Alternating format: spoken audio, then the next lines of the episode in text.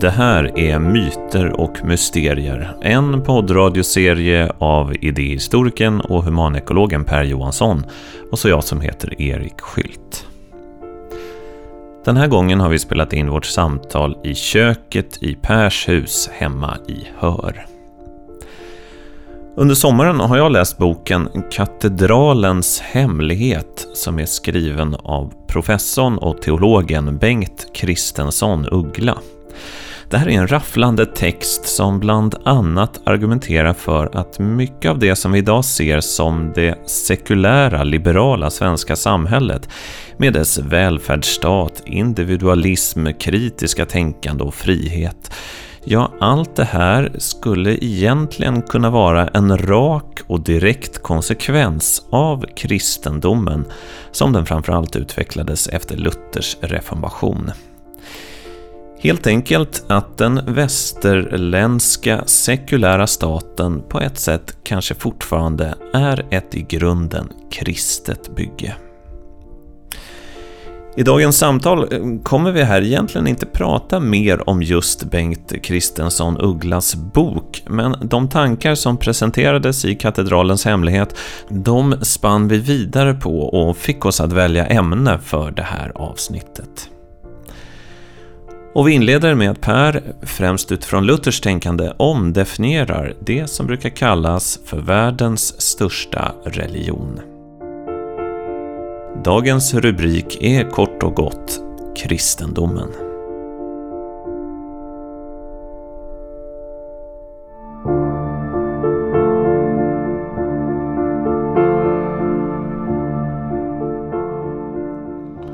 Jag minns inte på rak arm när det var Luther själv som yttrade detta, men det var definitivt någon tidig lutheran i den traditionen som menade att eh, om jag uttrycker det i mina ord nu då, men andemeningen var denna. Att kristendomen, eller rättare sagt den kristna tron, är slutet på all religion. Kristendomen i den meningen är med andra ord ingen religion alla andra trosföreställningar och sedvänjor och magiska åtbörder och hålla sig väl med husandarna och vattenandarna och allt vad det kan vara. Alla, alla sådana andra religiösa traditioner, allt från buddhism till taoism till, till amerikanska indianer eller vad du vill.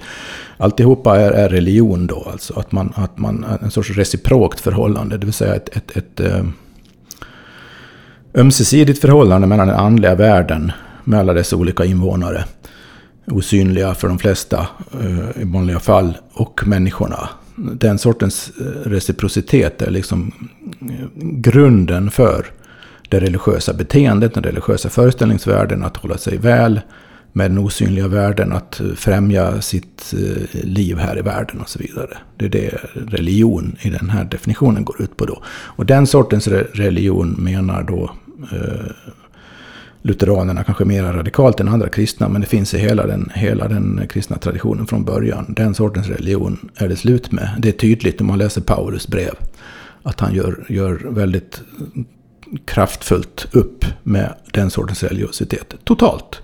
Så kristendomen är en antireligion. Och det är inte så många som förstår det idag. Nej. Att det faktiskt är på det viset. Nej, jag har aldrig hört det beskrivas på det, på det här sättet. Ja, här börjar det bli intressant. För att jag menar, majoriteten av alla människor i Sverige och kanske i världen skulle ju ändå betrakta kristendomen som en religion fullt ut förstås. Ja. Och, eh. och, och tittar man på kyrkan och hur det kyrkliga livet har gestaltats och ter sig så, så har det ju utformats som en religion i den här egentligen av Paulus kritiserade meningen. Mm. Många gånger. Det, det är lite så, man ser inte så stor skillnad, verkar det som. Men, men kärnan är väldigt annorlunda. Men, men då, då, måste vi fördjupa oss lite där. Vad är det, vad är det hos Jesus och Paulus som, som då gör att, att, eh, att deras lära inte är en religion? Ja, det är ju en väldigt komplex fråga på ett sätt. Men vi får försöka göra det väldigt informellt enkelt. Det börjar ju med eh, Jesus så som han framställs i evangelierna när han eh, utan vidare när någonting i den judiska religiösa sederna hotar eller motsäger eller försvårar någonting som han anser vara mycket viktigare. Nämligen att prioritera.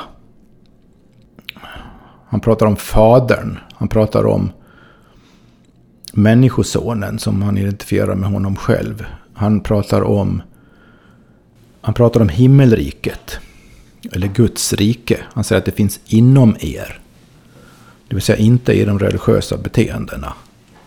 Så när de religiösa beteendena, alla de här sedvänjorna och ritualerna och lagarna och alltihopa, när det inkräktar på himmelrikets förverkligande i människan, det vill säga i personen, i individen, skulle vi säga med modernt ord.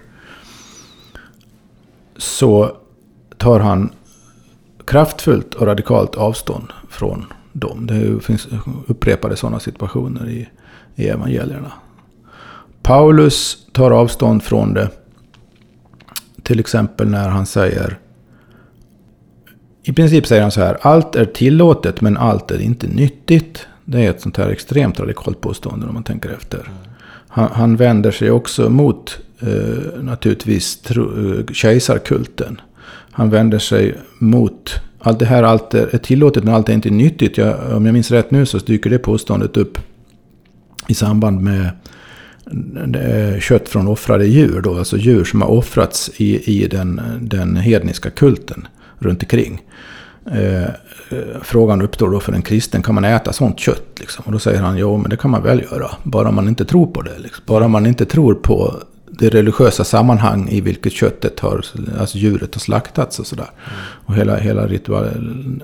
Men, men, sen har han ett resonemang då som går ut på att ja, men är man liksom känslig för sådana saker och tycker det känns fel, ja då kan man väl låta bli då. Men man är inte okristen bara för att man... Så, och det här är ju en otrolig... Alltså, det är lite svårt för oss att förstå idag kanske hur radikalt tanke det här är på den, på den tiden. Att, att och, och, är det inte så vi eh, också fritänkarna i moderna samhället resonerar. Mm. Att allt är tillåtet men allt är inte nödvändigtvis nyttigt. Mm. Och vem är det som avgör vad som är nyttigt? Ja, det finns ju i, i, i Paul, hos Paulus och i Nya Testamentet och i kristna eh, teologin så finns det ju då vissa riktmärken för att avgöra vad som är mer riktigt än det andra. Fast det är inga moralprinciper utan det är snarare en sorts andliga råd så att man inte går bort sig alltför eh, mycket. Eh, och motsvarande råd kan man ju stöta på då i mer, som sagt, i mera fritänkande kretsar idag. Jo, men det är klart att du kan tänka och göra vad du vill, men det är ju inte säkert att det blir bra för dig själv om du gör vissa saker. Om du knarkar till exempel, det är inte så himla smart. Mm.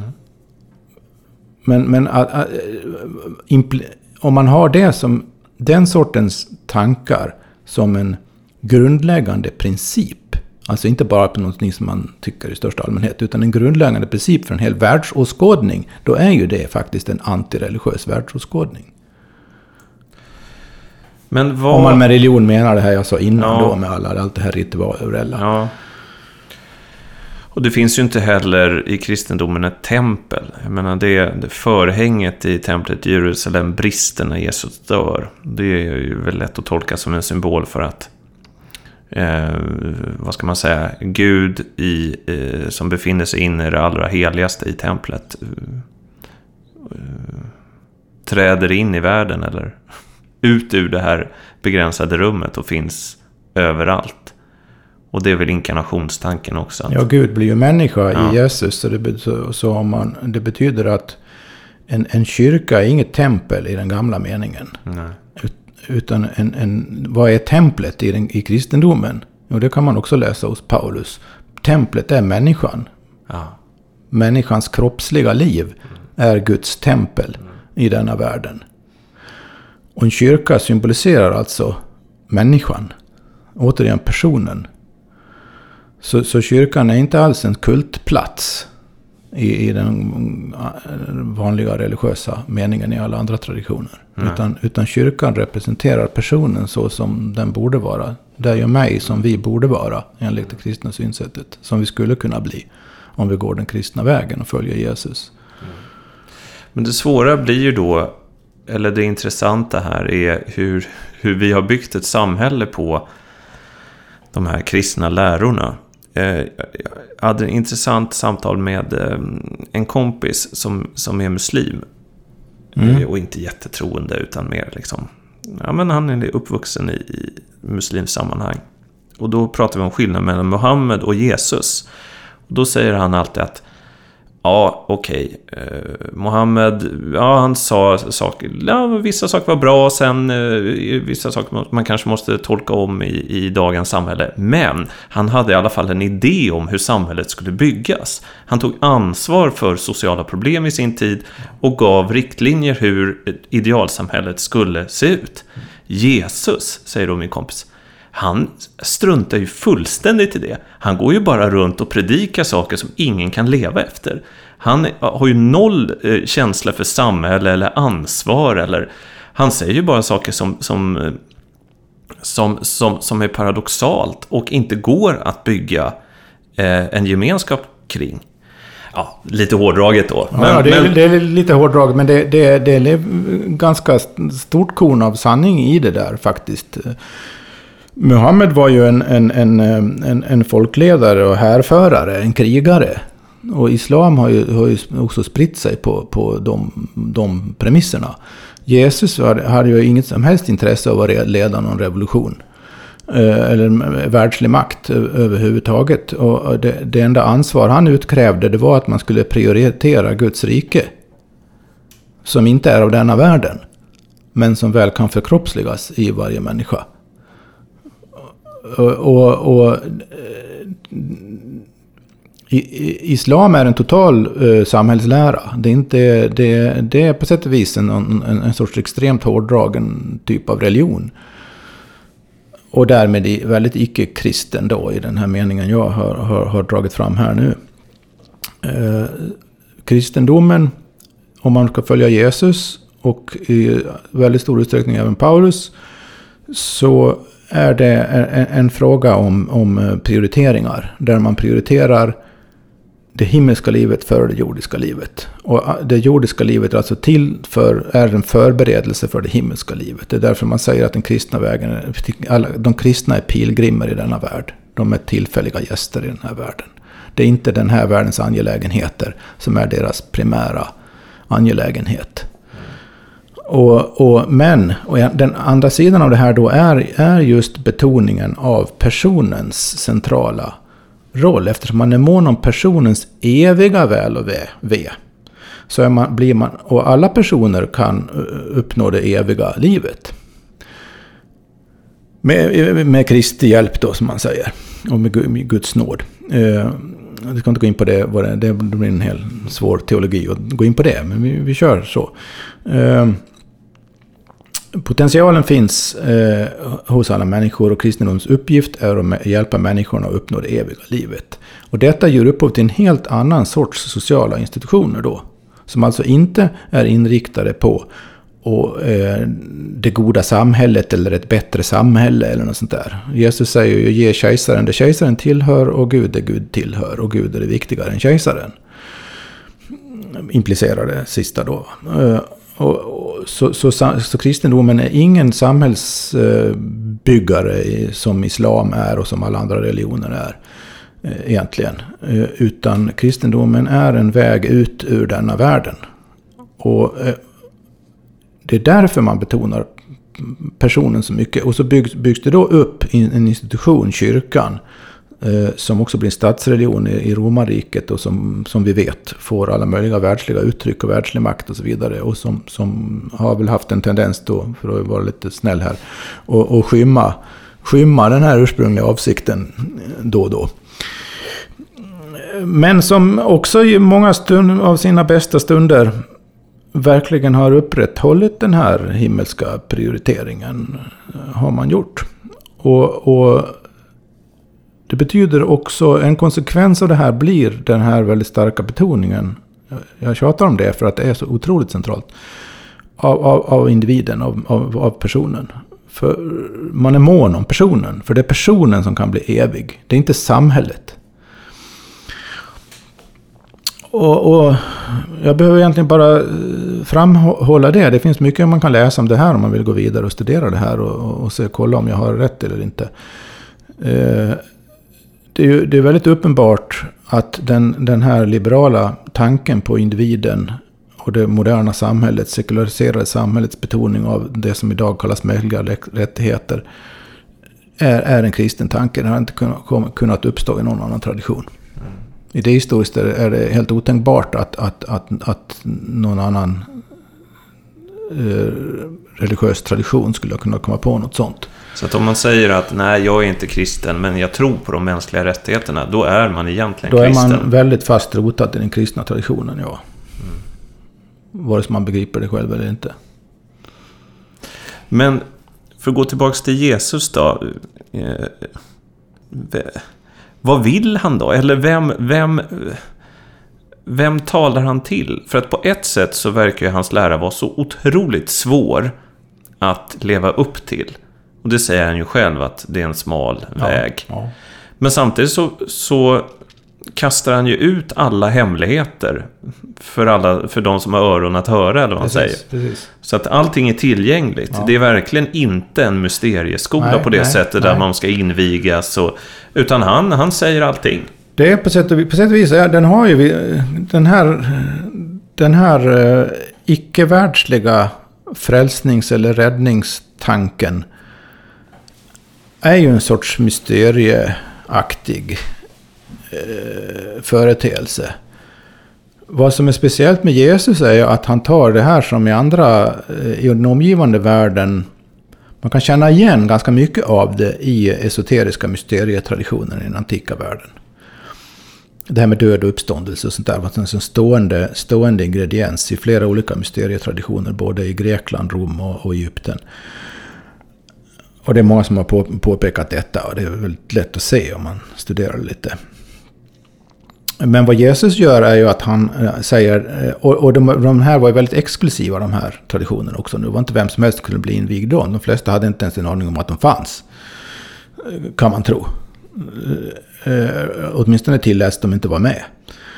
Men Jesus han, han, han förfäktar då en, en, en syn som är i princip en sån här esoterisk syn. Helt öppet. Gäller alla. Alla är välkomna. Men det betyder inte att alla kommer in. Och det är det man lätt glömmer bort idag. Va? Att alla, alla får komma. Men bara för att man kommer betyder inte att man kommer in. Mm. Och det är inte ens alla som vill komma in. Mm. Eller bryr sig. Mm. Men, men, men, men erbjudandet är öppen. Kom om ni vill, kommer ni så är det bra. Kommer ni inte så får ni väl klara det bäst ni kan då. Mm. Det är ju Jesus attityd skulle jag säga. Han, han bryr sig inte om de som inte kommer. Det finns faktiskt en, en intressant teori där som jag har läst om. Jag har läst, hos, för mig dök den upp hos, faktiskt hos Rudolf Steiner, alltså han som grundade antroposoferna. Mm. Han, han skrev ju tidigt många böcker om Jesus och kristendomen. Och jag menar, det här är inte hans idé. Och jag, jag tycker den är spännande. Mm. Den, eh, den låter så här. I, I den här tiden kring Eh, Jesus i den hellenistiska världen, den romerska världen, så fanns det en massa olika just mysterietraditioner och mysterieskolor. Men de blev allt mer ansatta av romarriket som krävde den här kejsarkulten och allting. Romarriket eh, var ju på ett sätt ganska sekulärt, skulle man kanske kunna säga. Men eh, då, den här teorin är att Jesus och gänget kring honom är en del av en sån här mysterietradition. Men de fattar att det här kommer ju försvinna eh, när Rom tar över mer och mer. Och eh, vad ska man göra med hemligheter eh, som man inte vill försvinna? Jo, man säger dem till alla. Ja, man skrik, Precis. skriker ut dem från hustaken. Precis. Vem som helst ska få höra dem. Och sen kan det ju finnas en, en ideologisk eller teologisk tanke att jo, men det här ska människor har rätt att höra. Men det är mm, tanken mm, att, att det ska överleva genom att sluta sitta inne på den hemliga kammaren. Den romerska soldaten en vacker dag kommer träda in och liksom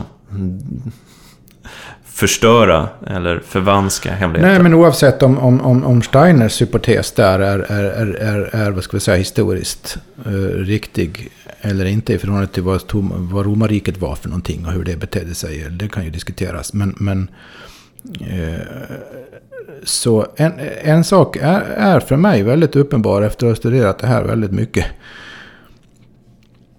det som jag sa nyss, att, att det är otvetydigt så i mina ögon att den ursprungliga kristna människosynen, världsbilden, attityden, ehm, motivationen hos Jesus, Paulus och deras efterföljare som har följt efter i samma anda genom alla århundraden.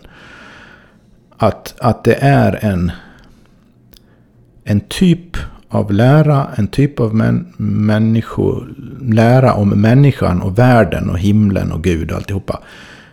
Som i andra traditioner och som i tidigare sammanhang i den antika världen var hemliga esoteriska läror. Det är stor, stark familjelikhet. Så man skulle kunna säga att kristendomen från början är en esoterisk lära som har blivit exoterisk. Det vill säga fått en, en synlig utåtriktad sida för alla kyrkan. Eh, i, syf, I det syfte du just antydde. Att göra det här allmänt tillgängligt. Och då kan, om man, det här är, tror jag också är ett eh, adekvat sammanhang att tolka Jesus väldigt hårda yttranden ibland. Som, som, som snälla, vänliga, människovänliga tycker de kristna har svårt med. Till exempel när, när det dyker upp någon ung man som frågar eh, vad ska jag göra? Eh, jag skulle, eh, situationen är ungefär så här. Jag har så svårt att komma ihåg ordagrant. Men han kommer och frågar vad, vad ska jag göra för att följa, följa eller kan jag få följa, följa dig? Eh, ja, det kan du väl. Ja, men jag ska bara begrava min far först. Och så säger Jesus, låt de döda begrava sina döda. Men Strunta i det liksom. Det är ju rätt hårt. Mm. Och, och det behöver man, det, man behöver inte ta det här, vad ska vi säga, konkret, fysiskt, historiskt, bokstavligt för att förstå andemeningen, nämligen om du prioriterar dina föräldrar före Guds rike så är du på fel väg. Och det betyder ju inte att Jesus fördömer den här personen, han bara talar om vad som gäller. ja, jo, det är sant. Ja. Och det är lite grann som vilken förening eller klubb som helst. Jag säga att du bildar en akvarieförening. Ja. Och så säger du alla som är intresserade av akvarier får vara med. Ja, och så ja. kommer det en massa som är intresserade av akvarier. Ja, det är bra. Och så kommer någon annan och säger varför får inte får jag vara med då? Är du intresserad av akvarier? Nej. Men varför ska du då vara med då? Får du göra något annat? Ja. Så egentligen är det ingen principiell skillnad där. Utan Jesus har, en, har utgår från en uppfattning. Han är Guds son, han vet hur det är. Eh, så han, han, han, han, han, han, gör klart liksom förutsättningarna. Och han, de, upp, det, ligger också i, det ligger också i det här, det finns något, återigen den här starka betoningen av personen och ansvaret, det egna ansvaret, nämligen du får göra vad du vill. Du får följa Jesus eller du får inte följa Jesus. Följer du Jesus så kommer det och det att bli möjligt. Följer du inte Jesus så kommer just de sakerna vara omöjliga. Men det finns ju ett mysterium till här. Jag gillar ju verkligen eh, när saker, i alla fall till synes, verkar hänga ihop. Och för att knyta ihop några av våra program så finns det en liten detalj i, i Jesus biografi som man inte riktigt förstår. Och det är ju att han faktiskt vistas en, en lång tid i Egypten. Ja. Och det där, han verkar ha växt upp i Egypten. Ja, exakt. Alltså han, hans familj drar ju till Egypten väldigt tidigt. Precis, och sen så nämns det inte förrän han är 12 år gammal. Eller mm. sånt, när de är tillbaka i... Precis. Och det här har ju olika forskare givetvis gått igång på och tänkt att det som händer här i Egypten är att Jesus, han, han får del av en typ av egyptisk gammal kunskap under den här resan. Det här är ju väldigt spekulativt förstås, men eh, samtidigt så rör det sig nära den röda tråd som du och jag hela tiden försöker få, få fatt på. Nämligen den här underströmmen, som man kanske kan kalla det esoteriska. Någon typ av hyfsat obruten linje från det gamla Egypten in i den antika världen, eh, in i kristendomen, in i renässansen, in i vår moderna tid. Men, men ser du några kopplingar mellan Jesus och Egypten? Det På vad du menar med Egypten. Eh, där måste man nog vara väldigt specifik och konkret. För eh, vi, rör oss, vi befinner oss i den hellenistiska tiden här nu. Den gamla egyptiska religionen, det vi har pratat om i ett par andra program, eh, är på upphällningen döende kan man säga. Eh, finns en del spår, finns liksom, vad ska vi säga, kvarlevor kvar. Men det är inte, det är inte alls på samma...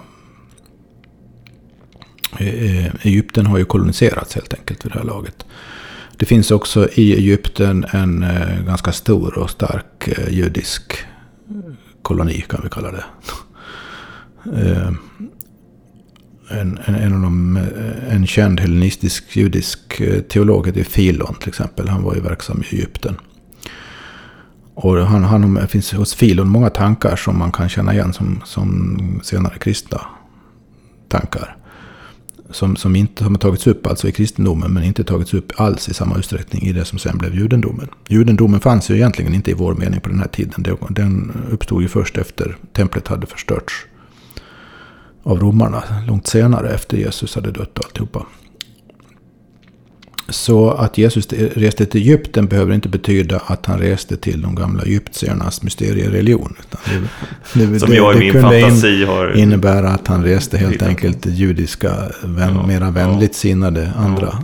judiska eh, sammanhang. Mm.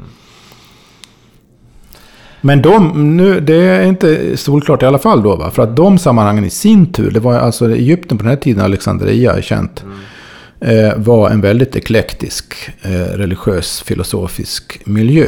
Och, mm. och Filon representerar en, en, del av den här eklekticismen också, alltså blandningen av olika läror. Man, det är ingen blandning i fel ord egentligen, men alltså man tog intryck från väldigt många olika håll, ända borta från Indien. Mm. Och naturligtvis från det gamla Egypten.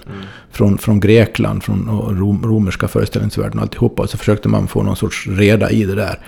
Var och en utifrån sina utgångspunkter. Är man jude då så gör man det efter judiska utgångspunkter. Och det blir någon sorts väldigt spekulativ hellenistisk judendom. Kabbala kommer ur den här miljön förmodligen också. Och, och med, med Kabbala som är en väldigt esoterisk lära eh, har också en, liksom någon sorts strukturell familjelikhet med en del av de gamla egyptiska mysterierna. Det, det kan ju bero på att det finns många förklaringar, möjliga, teoretiskt sett möjliga, många möjliga förklaringar till det.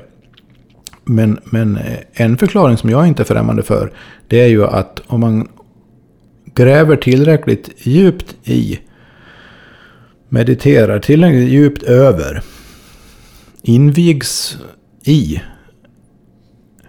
på något sätt i vad en människa är och vad förhållandet mellan världen och människan är. Så oavsett vilken tradition man befinner sig i tankemässigt så upptäcker man strukturellt ungefär samma förhållanden. Så du får en, på ett väldigt djupt strukturellt plan kan vi kalla det, en, en, en, en, en påtaglig familjelikhet kan vi också kalla det då.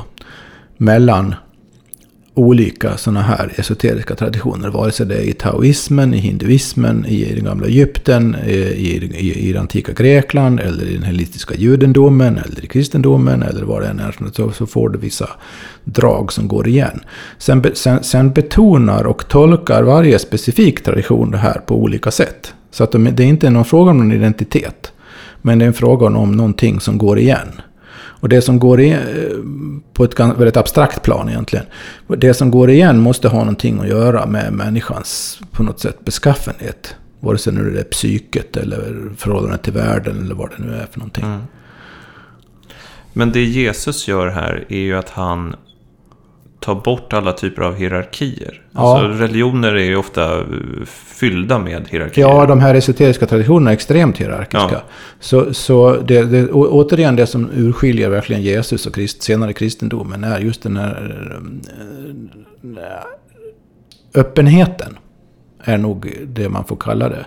Men som, som jag sa innan, från början betyder den öppenheten inte att vad som helst är acceptabelt eller, eller, eller, eller funkar eller gör en lämplig eller så vidare. Utan, utan det, det, kraven är ju som din muslimske vän påpekade till synes omöjliga. Mm. Men kraven verkar vara allra hårdast för de som anser sig vara lite goda och sitta inne på sanningen. Det är ja. ju de som Jesus går hårt åt. Ja. De som är syndare eller, eller illa ute eller fattiga eller sjuka. De är han ju hyfsat snäll mot. Ja. Där går det snabbt för dem att komma in i hans ja. rike. Men de som sitter och är liksom lärda och tror sig veta bäst, de är han ja. väldigt, väldigt hård mot. Och det här finns det ju en tendens nu då i modern tid, och även tidigare, men väldigt påtagligt i vår tid, att tolka som att syndarna, de utsatta, de kriminella, de och så vidare. Alla som är utanför har någon sorts fribiljett har någon sorts moraliskt mer högstående ställning än förtryckarna. Eh, vilket jag ser som en total van, vantolkning. För vad är det som gör det möjligt för den som är utfryst och snabbare komma till himlen än den som anser sig sitta inne med sanningen? Vad är det som är skillnaden mellan dem? Det är ju att den som anser sig sitta med sanningen har väl ingenting att lära av en, en, en vilde som Jesus. Han vet ju hur det är. Mm. Medan den som eh, befinner sig utanför har säkerligen en inre osäkerhet och hela, hela sitt liv fått höra att han är moraliskt förkastlig på något sätt. Så möter han Jesus och får veta att han är inte nödvändigtvis moraliskt förkastlig. Bara du håller dig till det och det och det och följer mig på det här och det här sättet så finns det en chans för dig också. Det vill säga en andra chans skulle man kunna säga i en annan värld. Och det är, en, det, är en, det är en väldigt annorlunda distinktion än vad vi är vana vid att göra. Numera, politiskt inte minst. Mm. Men jag, jag minns att du någon gång har sagt någonting i stil med som... Ja, men det provocerar till och med mig. Det är att det finns ingen... Man brukar ofta säga att kristendomen, ja, jo, men det, man kan tro på mystik och under och allting. Men det är ju först och främst en morallära. Men då har du sagt att det finns ingen moral i kristendomen. Nej, jag, jag, jag hävdar att krist, den kristna tron ursprungligen, och det är tydligt i evangelien, det är, tydligt, det är inte lika tydligt men ändå till största delen väldigt tydligt även hos Paulus och de andra mm, böckerna och breven i Nya Testamentet. Att kristna tron är en, närmast en antimoral. Faktiskt. Så det, det, det, som, det som den ursprungliga kristna tron säger, eh, att man råd, man skulle kunna säga så här, råder en att göra. Den möjlighet som öppnas, det erbjudande som ges, är att, att påpeka hur det är. Och sen får man då själv som individ ta konsekvenserna av det. Tror man att det är så som det är, som man säger att det är då, så får man försöka eh, följa det och inrätta sig efter det då. Och då får man ju förhoppningsvis hjälp av någon som har begripit mer än man själv innan. Men, men det, det, har ingenting med moral att göra. Det är snarare någon sorts... Jag menar, Paulus jämförde med olympiska spelen, skulle man kunna säga, med atletiska tävlingar. Att man ska ta på sig Guds rustning och allt vad det är för någonting han skriver i något brev. Det, det är en kamp det här. Det, det, det, det är, är en, en, en sorts färdigheter man, man behöver. En viss sorts attityd man behöver. För att vinna eh, loppet till himlen ungefär. Men samtidigt så kan ju... Jag menar, det finns ju den kända passagen när Jesus hänger på korset. Och så är det rövaren där bredvid honom. Mm.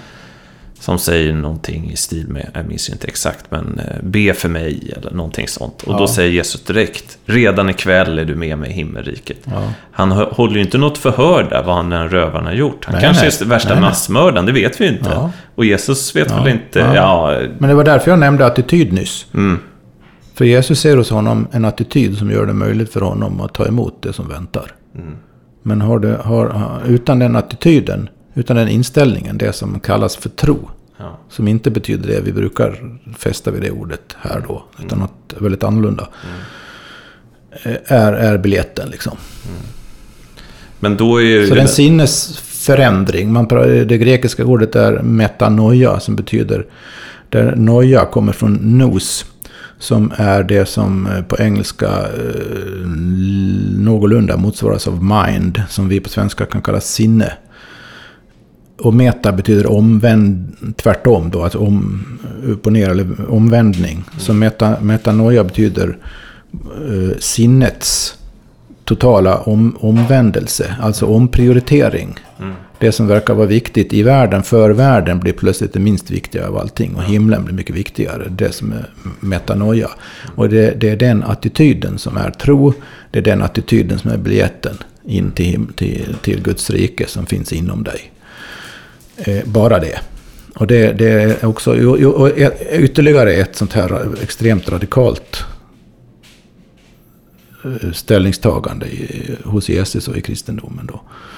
Men då kommer den eviga frågan. Du, du, kan inte, du, du behöver inte, trots det vad jag sa om tävling innan, som man måste förstå på ett annat sätt. Du ska inte gå in på en massa bibelexeges och teologi här, för det blir så himla eh, besvärligt. Vi, vi, vi bara väcker lite tankar här hos, hos oss och lyssnarna. Ehm, det finns alltså enligt, enligt kristendomen egentligen ingenting som du kan göra annat än att ändra din attityd. Annat än att omvända dig, som man säger, eller metanoia. Det är det enda som krävs. Det är därför den här rövaren kan komma in direkt. Bara han upp, uppnår... Han är döende. I det ögonblicket drabbas han så att säga plötsligt av rätt attityd. Och så får han följa med Jesus. Dit han ska. Eh, vad mer jag tänkte på där? Jo, så finns det, det här i, i kristen tradition, det kanske man ska säga nu då i alla fall.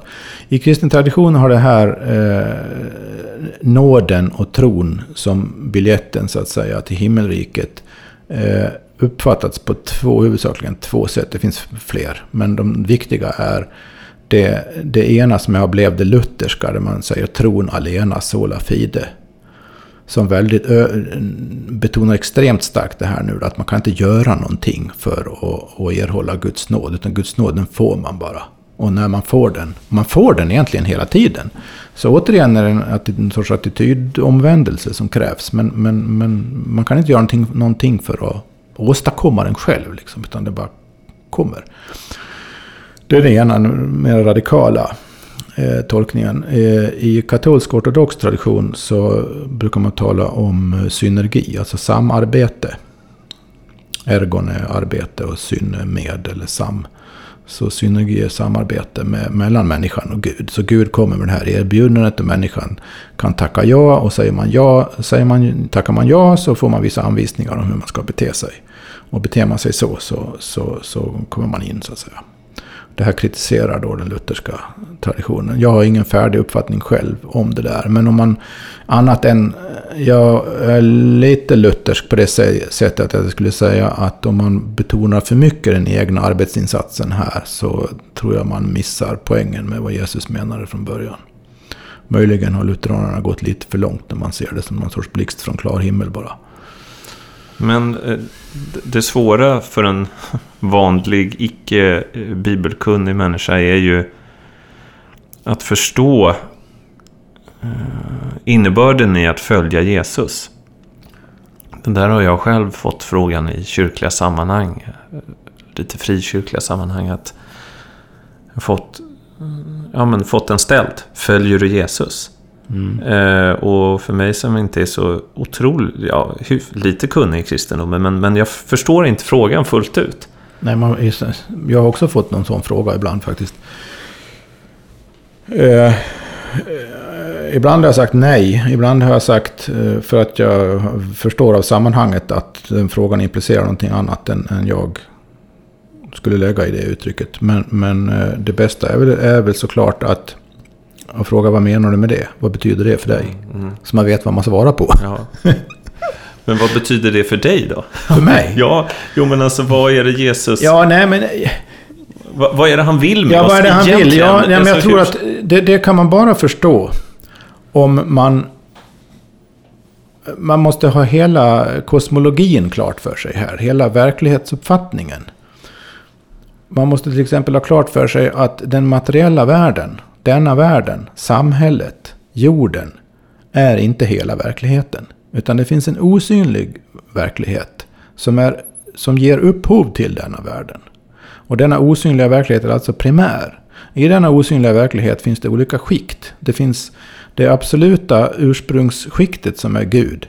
Men mellan Gud och denna världen så finns det några andra skikt. Där det finns andra osynliga varelser som änglar och demoner till exempel. Som, som bor. Och alla de här andra gudarna, gudarna, romerska och grekiska gudarna och allt vad det är för någonting. Och orden och Tor och kompani. Menar Jesus det också? Ja, och, och det, det, gör han definitivt.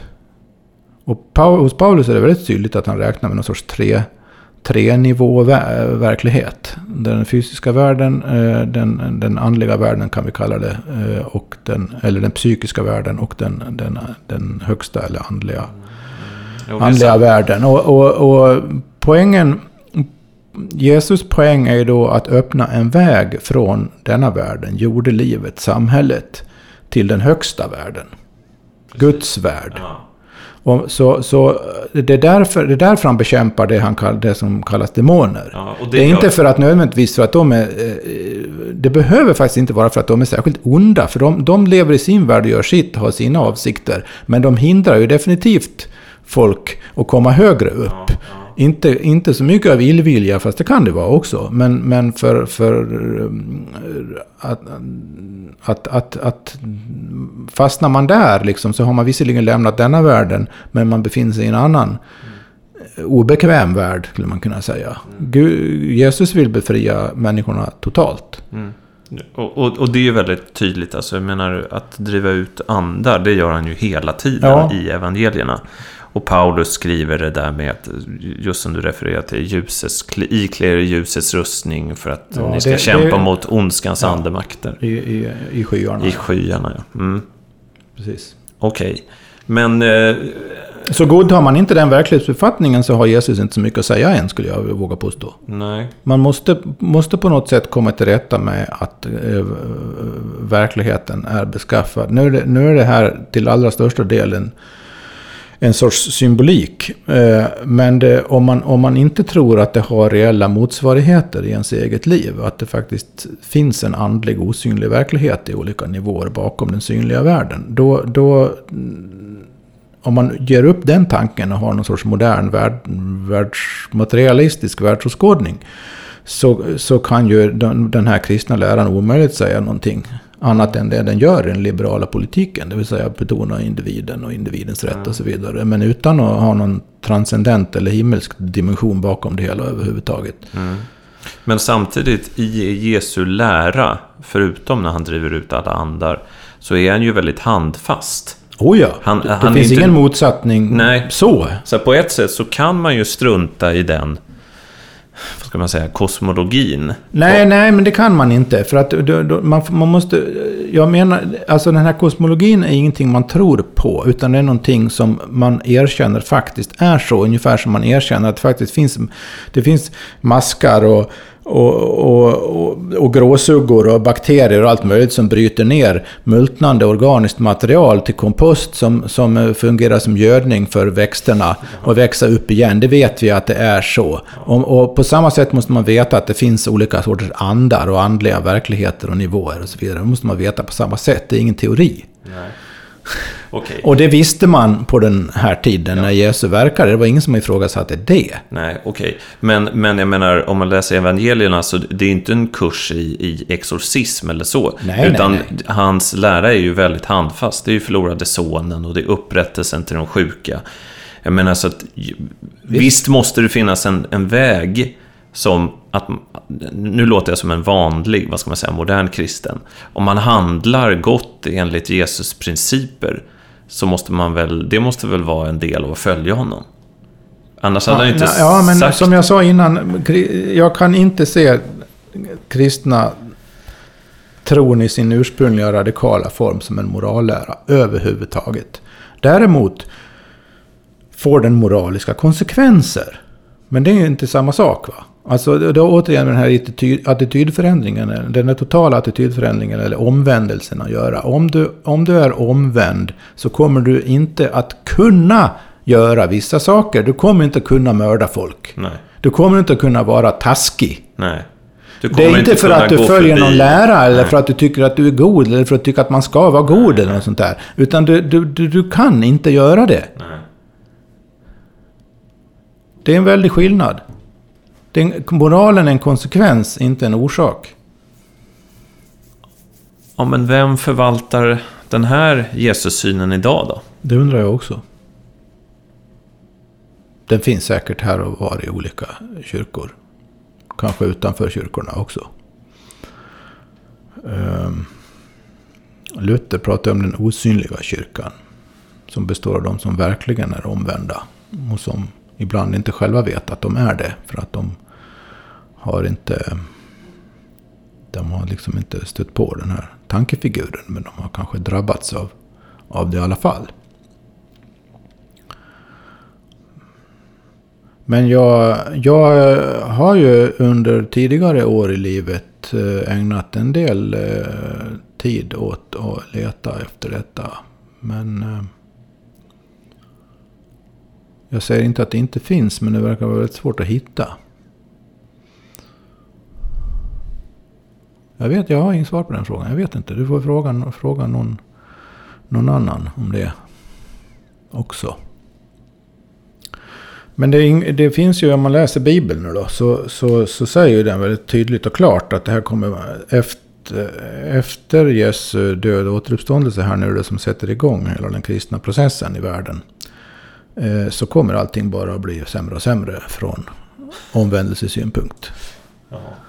Så om det är svårt att hitta några, några företrädare för den här idag så beror det kanske på att det börjar bli riktigt illa då. Ja. Men samtidigt så har vi ju de här idéerna om mänskliga rättigheter och liknande då. Som har en typ av kristen grund. Och jag menar, de är inte förverkligade fullt Ja, ut i världen. Men Visst, och jag vill inte... Eh, jag, jag, det är definitivt inte min roll eller plats att döma kyrkorna heller. Eh, många kyrkor gör, eh, oavsett om de, om de radikalt förvaltar det, det här vi har pratat om nu, eller inte, någonstans på något vis, i någon. Så har de ju ändå en del av dem, långt ifrån alla tillräckligt mycket av trohet till traditionen och Bibeln i sig. Att de på något sätt förvaltar åtminstone möjligheten att upptäcka de här sakerna.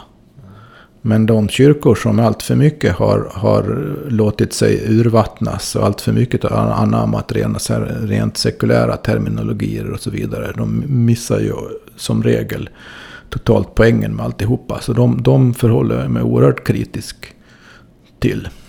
De är bara kyrkor till namnet. Men det betyder inte att det finns, finns eh, mera riktiga kyrkor också. Jag tycker det, det är svårt att, att, hitta dem. Men det betyder inte att de inte finns. Men du själv har ju någon typ av väldigt ohierarkisk uppfattning. Eh, Jag Ja. bara funderar på vad Jesus skulle tycka om din Ja, ja, eh, bildningsresa. och... ja. Det kan man undra. Det, det är inte upp till mig att spekulera om. Jo, men det, det som skiljer dig från eh, många, vad ska man säga, vanliga kristna är att de flesta lär sig om kristendomen inom en kyrka. Ja.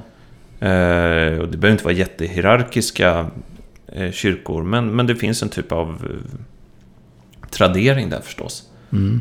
Men Absolut, du, du har ju finnas. gått till originalkällorna direkt på egen hand. Det kanske Luther skulle tycka om då? ja, det skulle han förmodligen. Han skulle tänka, ja Per läser där, ja, ja han, han gör det utanför kyrkan, men eh, vi har ju den heliga ande som vägleder honom, så det är ingen fara. Jo, Så du kanske är någon typ av superlutheran på så sätt. Ja, tanken har slagit mig ibland. Um, jag, jag har ju en väldig sympati för Luther och haft länge. Sen jag började läsa om och av honom också. Att han, han är lite grann en... Han är, han är en av mina hjältar om säger så. Det betyder inte att jag tycker att allt han gjorde och sa var bra precis. Men ja, jag känner mig rätt befryndad med, med Luther. Och jag kan känna igen också det där när han säger att man... När man läser läser skriften så kan man liksom drabbas av det. Och har man drabbats så får man ta konsekvenserna av det. Sen eftersom jag då är uppväxt i och verkar i ett extremt trots vad vi har sagt om sekulariseringen som en fortsättning av kristendom och så vidare, så lever vi i ett extremt avkristnat samhälle när det gäller tänkesätten och, och det, alla de här icke-materiella dimensionerna av tillvaron är det inte så många som vågar ta på allvar offentligt. Det, det, det, allt det där ställer ju till det. Inte bara för mig utan för alla andra som har börjat upptäcka någonting här. Det är svårt och det tar väldigt lång tid. Har gjort för mig i alla fall. Och, och, och bringa någon sorts reda i det. Så jag känner mig emellanåt fort, alltjämt ambivalent i många avseenden. Jag känner mig inte bombsäker på allting. Jag, ehm, det är som en, en sorts brottningskamp hela tiden. Jag tänker på Jakob som brottades med, med Gud. Han skadade sig också. Ja, jo det? precis. Det är, det är inte behagligt. Nej. Så det, det, är ingenting man, man väljer frivilligt på ett sätt. Det är någonting man, man drabbas av och så får man acceptera det. Se vart det leder. Men för mig det intressanta med de här typen av samtal vi har här, det är att jag försöker ändå gå i kyrkan lite då och då. Och då tycker jag alltid att predikan är alldeles för kort. För det är ju, vad är det, tre texter man får höra. Gammeltestamentlig, epistel och evangelium. Och i de tre texterna, det behöver bara vara någon, någon minuts styck, så finns det så många gåtor att jag vill, liksom vill resa mig upp och säga stopp, vänta här nu, du kan inte bara läsa det här högt. Och det där, jag kände det verkligen den gången när det var Paulus och det var det där med ljusets rustning och bekämpa ande, ondskans andemakter i skyn. Då ville jag liksom stoppa allting. Äh, vänta nu, vad då ljusets rustning? Vad då ja. an, ondskans ja. andemakter i skyn? Vad det vill man ju veta mer om då ju. Exakt. Om det nu är så viktigt. Exakt. Om man Förklara. Nu, ja, precis. Och, och, och där kan jag känna att en viss typ av det är väl egentligen är det väl bibelkunskap som har försvunnit. Alltså det har ju helt försvunnit från, från det vanliga samhället, men kanske också från kyrkorna. Man, man talar inte om de svåra partierna, men, men, men för mig är de intressanta. Ja, ja. För de, de ger en... Det tycker jag man kan sätta upp som en generell intellektuell regel. Att om det är någonting som stör en, om det är någonting som känns obehagligt när man stöter på det, om det är någonting som rubbar ens cirklar. Om det är någonting som... Ja, allmänt störigt, störande, obehagligt. Då är det ett säkert tecken på att det är något som är av verklig vikt och alltså av verkligt intressant. Och drar man sig undan det då så missar man ju på något sätt. Mm. Inte bara sanningen utan kanske alla möjligheter att verkligen förstå någonting också. Inte minst om sig själv då. Mm. Och just det här tror jag är den, den allra största missuppfattningen kring den kristna tron av de som inte har satt sig in alls. Det är att man tror då fördomsfullt att framförallt Jesus är den här gode herden ja. som vallar de snälla fåren Precis. framför sig eller bakom sig eller runt sig. Sen är det inte mer än så. Och man ska liksom bara dricka saft och äta Nej, tårta. Man ser, man ser kristendom, man ser det som en ljusreligion. Liksom. Mm. Men i själva verket har jag kommit fram till är det en väldigt dunkel, mörk, mörk väg först. Innan man kommer till något ljus mm. överhuvudtaget. Man kan, ljuset kan på sätt och vis komma först. Men så fort, det gör det nog ofta faktiskt. Ljuset kommer först till en. Man, man, för att förankra en i det. Liksom. Så att man fattar att det verkligen är på riktigt. Men sen när, när därefter så, så slungas man ner i något mörker. Och, och, det är då man börjar verkligen eh, förstå saker och ting tror jag. Så, så kristendomen är en, lika mycket en mörkerreligion som en ljusreligion. Det är en process där. Den pendlar lite fram och tillbaka. Mm i detta livet, i jordelivet. Och den, och just i den processen så har jag själv uppskattat mina egna bibelläsningar. För att varje gång som jag tror att jag har förstått det, Så tar jag fram evangelierna och så tänker jag att Ja. nu ska jag ha lite mysläsning här. och så fast, fastnar jag för något parti som bara, nej men det här, är, ju- det, här var ju knasigaste jag hört. Jag fattar absolut ingenting. Och det är någonting väldigt, väldigt provocerande då. Jo, kring. Och, och, och just den där känslan av att hela tiden bli uppväckt eller provocerad. eh, I min värld ger det texten den här djupa trovärdigheten. Ja, det är inte en vanlig bok.